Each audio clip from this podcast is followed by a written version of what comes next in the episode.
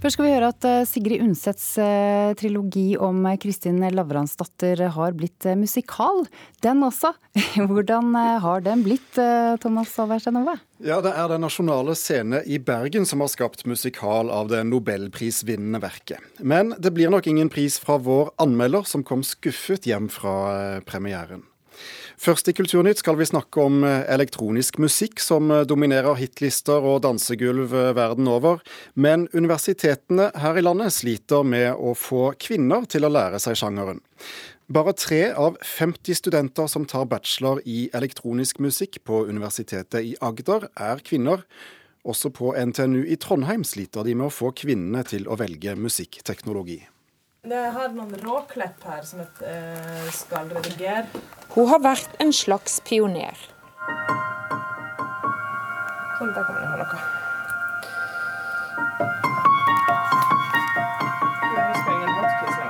Rakel Nystabakk var lenge eneste kvinne på det såkalte laptop-studiet på Universitetet i Agder i Kristiansand, der studentene spiller, komponerer og produserer elektronisk musikk. Jeg, si, jeg opplever ikke det personlig som problematisk, men jeg lurer jo litt på hvorfor det er sånn. For jeg ser ikke noen grunn til at det, det skulle være sånn. Det er jo ikke noen, det er ikke noen ting som er vanskeligere for meg å lære meg enn for guttene. Man må jo bare, Det handler om hva du bruker tid på, og hva du setter inn i. liksom. Rundt 50 studenter tar eller har tatt bachelor i elektronisk musikk på UiA siden oppstarten i 2013.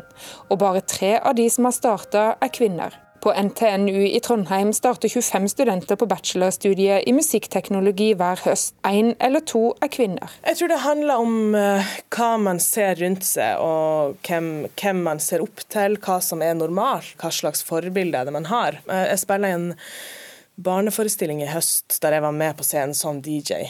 Og da var det flere av de ungene som, som hadde ordentlig sånn aha-opplevelse og sa sånn at de at, ja, de trodde at DJ-ing var bare for gutter. Det som er greia, det er at det er mange jenter som gjør masse sjøl, men det, er, det, blir ikke snakka så mye om det. Sier Anne Li Drekker. Som kan alt, og som gjør alt. Jeg, jeg, jeg kunne jo gjøre masse sjøl, men så fant jeg ut at så lenge det er gutter som er med på plata, så får de all kreden. Så det tok på en måte litt sånn eh, Da orka ikke jeg gå videre, også fordi at jeg jobba med gutter som var mye flinkere enn meg. Så jeg tror kanskje det er også en ting, at jenter gir litt fortere opp. Drekka er for mange kanskje mest kjent som vokalist i Belcanto, men gjør òg mye av det tekniske på platene sine. Nå jobber hun som vokallærer på UiA, og sier det er viktig at flere kvinner studerer elektronisk musikk. Fordi at man trenger eh, flere jenter i sånne settinger, i sånne studiosettinger. Den eh, kjønnskvoteringa tror jeg er viktig, bare for, for å ha en bra, bra, stemning og få annen energi inn i rommet. Men også fordi at det er ingenting som tilsier at de ikke skulle gjøre det. Som lærer så tenker jeg bare at jeg, jeg har bare tilgang til halvparten av talentene. Jon Marius Åreskjold er lærer i musikkteknologi og elektronisk musikk på UiA.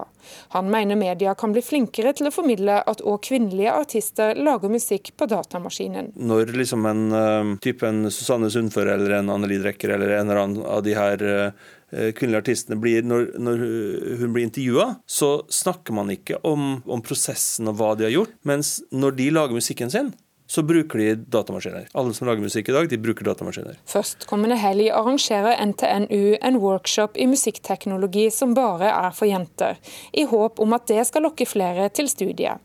På UiA har de en medarbeider i en 20 stilling som jobber for å rekruttere flere kvinner, både som studenter og ansatte. Jeg føler at de jentene som vi har her, er akkurat like flinke som alle de andre. Jeg ser bare ingen grunn til at jenter ikke skal søke. Jeg tenker at du, for å, Hvis du skal være musiker i 2025, så må du beherske denne typen uh, instrument. Reporter i denne saken, det var Miriam Grov.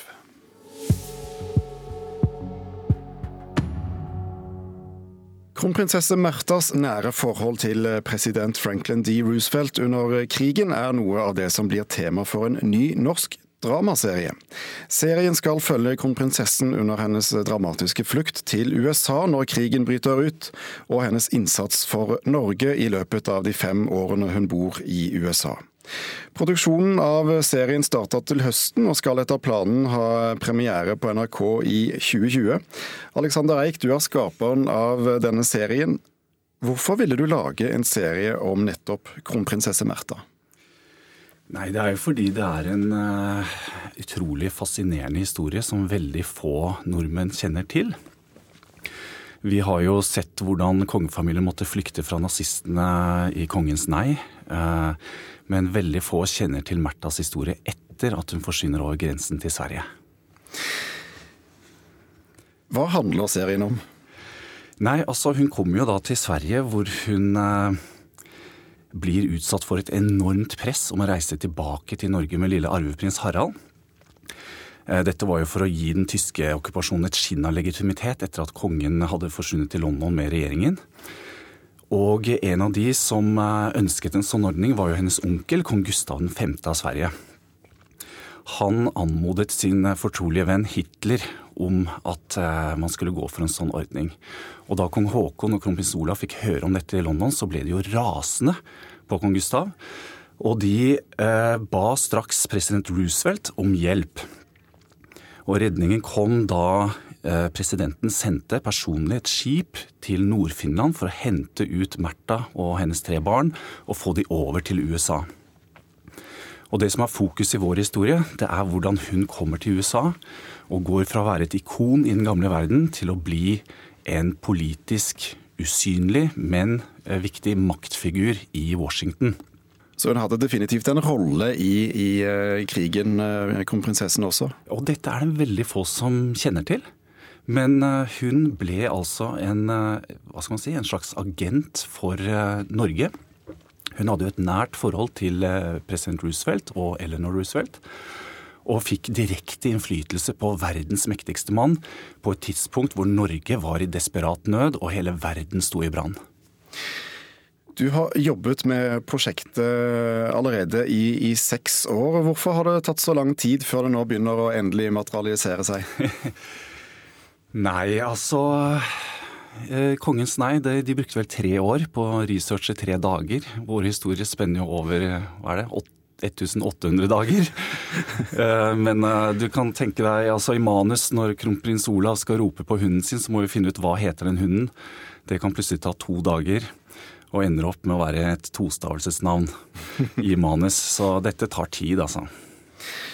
Så er det det pikante, da. Eh, ryktene om, eh, om, en affære mellom kronprinsesse Märtha og president Roosevelt. Eh, hva har du funnet ut om det? Ja, vi kommer jo ikke utenom det. Eh, det fins jo to eh, rådende teorier om akkurat den saken. Det ene var at de hadde et nært vennskapelig forhold, og det er det jo ingen som betviler. Altså, De kjente hverandre fra, fra sommeren 1939, da Olav og Märtha var på turné i USA. Eh, den andre teorien det er jo at de skulle ha et romantisk forhold. Og de som hevder denne teorien, har jo absolutt belegg for å si det. Det er jo ikke tatt ut av løse luften. Og det er i hvert fall ikke tvil om at presidenten hadde et veldig godt øye til henne. Men det finnes også en tredje teori, og det er at eh, Märtha opererte som en trojansk hest for den norske regjering i Washington for å fremme Norges sak. Og eh, hva som vi har valgt Hun brukte kanskje da kvinnelist for å, å, nå sine mål? Det er Norges også mål. en teori, ja. Eh, og det er i hvert fall sikkert at hun oppnådde veldig mye. Men hvilken teori Alexander Reich går for i den nye serien Alt for Norge, det må vi vente å, med å finne ut av til TV-premieren, altså i 2020. Takk Alexander Reich for at du kom til eh, Kulturnytt. Det skal eh, handle om det omdiskuterte kunstsiloprosjektet i eh, Kristiansand, reporter Kasper Fuglesang. Ja, for i morgen kan være en viktig dag for hele det prosjektet. Da skal eh, fylkestinget i Vest-Agder si ja eller nei til om de skal bidra med 25 millioner kroner til å bygge om et silobygg i Kristiansand havn til å bli et kunstmuseum. Fondsforvalter Nicolai Tangen, som vil donere rundt 2000 eh, verk til Sørlandet kunstmuseum, sier han kan trekke seg fra prosjektet dersom flertallet av politikerne vil endre avtalene som er inngått rundt eh, kunstsiloen. Og prosjektet har skapt mye debatt på Sørlandet. Motstanderne mener pengene som kommune og fylkeskommune kan komme til å bruke på dette, bør brukes på helt andre ting. Og en av dem som vil endre avtalene, er Randi Øverland fra Arbeiderpartiet. Hun har fått flertall i fylkestinget for at Tangens stiftelse må oppgi hvor mye areal samlingen skal bruke, og betale på silobygget ut ifra det. Og det er ikke Tangen særlig glad for. Ja, Hvis Øverlands forslag går igjennom på tirsdag, så er denne avtalen og dette prosjektet i grøfta. Men det er jo viktig å være, være klar over hva konsekvensene av en sånn beslutning eh, vil være. Så det blir ikke aktuelt for deg å gå inn med mer enn de siste ti millionene som du ga nå til bygg? Nei, vi har, eh, vi har øket støtten her med, ti millioner, slik at den nå er oppe i 30 millioner. Eh, I tillegg til at vi jo gir driftsstøtte til, eh, til museet. Og denne gaven, så er jo denne gaven nå eh, oppe i, nesten 250 millioner. Det sa altså fondsforvalter og kunstsamler Nikolai Tangen. Vi skal videre til en litt spesiell boikott av en film, Kasper. Ja, for eh, skaperne bak filmen om Peter Rabbit, en søt liten kanin som bor i hagen til Mr. McGregor, går nå ut og beklager en scene i filmen. I scenen det er snakk om, så kastes det bær på karakteren Tom McGregor. Det kan kanskje virke uskyldig, men problemet er at Tom lider av bæreallergi.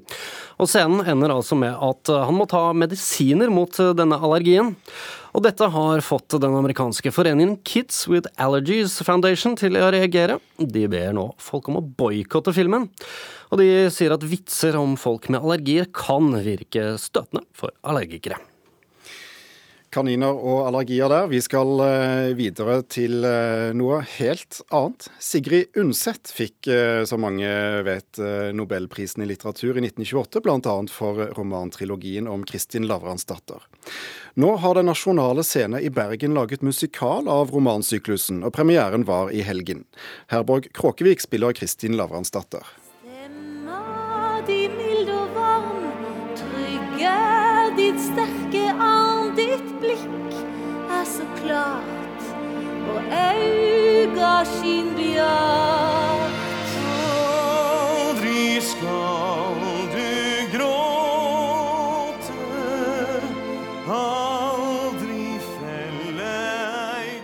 Dette er altså fra den nyskrevne musikalen 'Kristin Lavransdatter', som hadde urpremiere ved Den nasjonale scene i Bergen i eh, helgen. Teaterkritiker Karen Frøsland Nystøyl, ut fra anmeldelsen din på eh, nrk.no så leser vi at du er skuffet. Mm. Hvorfor, eh, hvorfor kom du hjem med, med en skuffelse? Først så må jeg bare gi Den nasjonale scene honnør for å gjennomføre et vanvittig prosjekt. For det er et løft for et teater å gjøre Kristin Lavransdatter som musikal, og det er et stort, stort prosjekt de har gjennomført. Eh, det er en mektig og rik eh, romansyklus. Det favner et eh, dramatisk og langt liv, og det er mye som skal med for å, for å få med hele historien. Og den har regissør og dramatiker Svein Stula Hognes valgt å ta med veldig mye av. Det går på bekostning av dybde i verket. Det går ganske fort fram. Eh, og så er det det som jeg kanskje syns var det vanskeligste. Det var at Kristin-karakteren er så lite dynamisk og variert i spillet. I sangen så er det sterkt, og det er kraftfullt og uttrykksfullt. Men i spill så bærer ikke Kristin-karakteren sin egen historie. Vi tror ikke på alle kvaler hun går igjennom, for det er et utrolig dramatisk liv hun har. Det er mange valg som hun står og dirrer midt oppi. Um, det har kanskje noe å gjøre med at det oppleves litt som konsert av og til. At det blir veldig frontalt, altså med, med framsida ut mot publikum mye. Um, men det at jeg ikke opplever så mye dybde i historien her, det gjør at jeg heller ikke blir så berørt. Herborg Krogkevik i, eh, i tittelrollen, eh, som nevnt. Hans Marius Hoff Mittet spiller eh, Erlend Nikolaus' sønn. Hvordan er samspillet, samspillet mellom de to? Ja, Det syns jeg eh, fungerer godt. Hans Marius Hoff Mitte er jo en av våre beste musikalartister i Norge. Eh, men òg her går historia fort. Fra denne forelskelsen som vi hørte de sang fram nå nettopp, så, så er det ekteskapelig grå på plass med et knips i del to. Og og vi skjønner ikke helt hvor historia bærer fram mellom de heller. Det er mye dramatikk, veldig mye dramatisk musikk, veldig mye kraftfull sang og roping mellom de to, men det bygges ikke godt nok opp, det at de har kommet dit hen. Så det er, det er mye der i livet mellom de to som jeg syns er vanskelig å følge. Det er musikal. Vi må snakke kort om musikken, som er skrevet av eh, Julian eh, Berntsen. En eh, kar vi kjenner som en hyggelig popartist. Mm. Hvordan har det blitt? Det har blitt en variasjon mellom middelalderinspirert musikk og folketone og mer typisk musikalmusikk à la Les Miserables.